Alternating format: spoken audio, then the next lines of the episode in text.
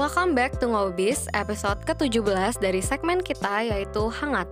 Bersama dengan ambience hangat dan topik-topik hangat yang akan dibicarakan, balik lagi kita akan ngebahas semua berita-berita hangat seputar lokal brand di Indonesia yang terjadi pekan lalu.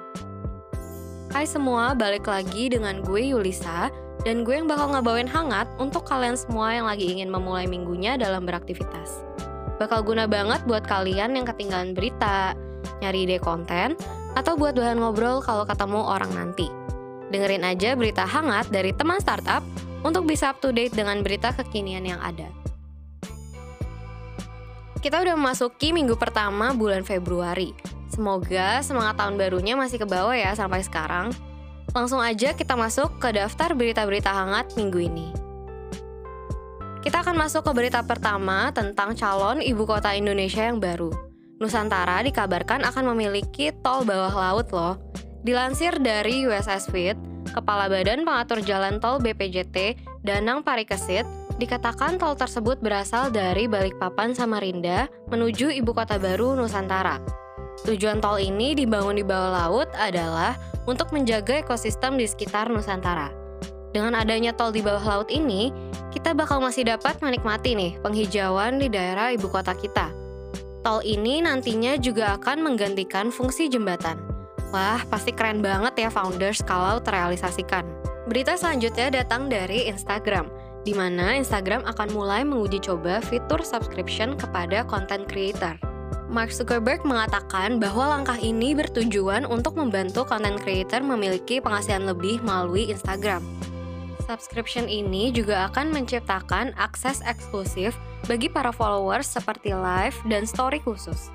Para creators nantinya dapat menentukan nih harga yang sesuai untuk mengikuti subscription pada profil Instagram mereka. Para content creator nantinya dapat memberikan benefit khusus bagi para pengikutnya yang ingin subscribe kepada mereka. Gimana nih kalau menurut founders dengan fitur baru ini? Selanjutnya ada berita baru nih, datang dari negara minyak terbesar di dunia yaitu Arab Saudi.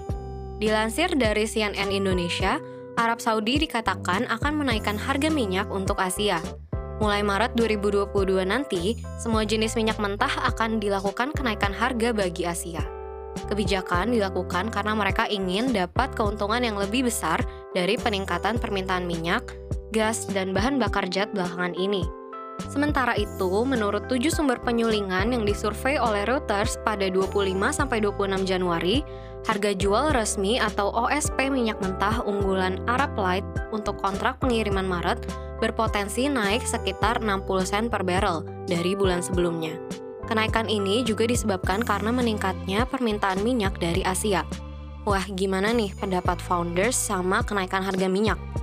Berita terakhir datang dari salah satu startup di Indonesia yaitu Buku Kas yang baru saja disuntik dana sebesar 1,1 triliun rupiah yang dilansir dari Kata Data. Pendanaan ini dipimpin oleh Tiger Global dan Sequoia Capital India. Investor lain yang terlibat yaitu Capital G yang merupakan dana pertumbuhan independen dari Alphabet. Kemudian, investor perorangan seperti CEO Nuvem Shop, Santiago Sosa, dan mantan CEO Lazada, Max Bittner, juga terlibat nih dalam pendanaan ini. Karena pendanaan ini, buku kas melakukan rebranding dan mengganti namanya dengan nama Lumo. Nama ini berasal dari nama Lumen yang berarti cahaya. CEO dan founder dari Lumo yaitu Krishnan Menon mengatakan pemilihan nama ini sejalan dengan ambisi perusahaan yaitu untuk menjadi penerang bagi perusahaan dan pemilik brand. Wow, keren ya founders. Selamat untuk Lumo. Oke, kita sudah sampai di penghujung recap berita hangat dari minggu lalu. Kalau founders punya berita hangat lainnya, boleh nih DM kita di Instagram @teman_startup untuk diangkat dalam berita hangat minggu depan. Stay tuned for next week's berita hangat. See you soon and stay safe.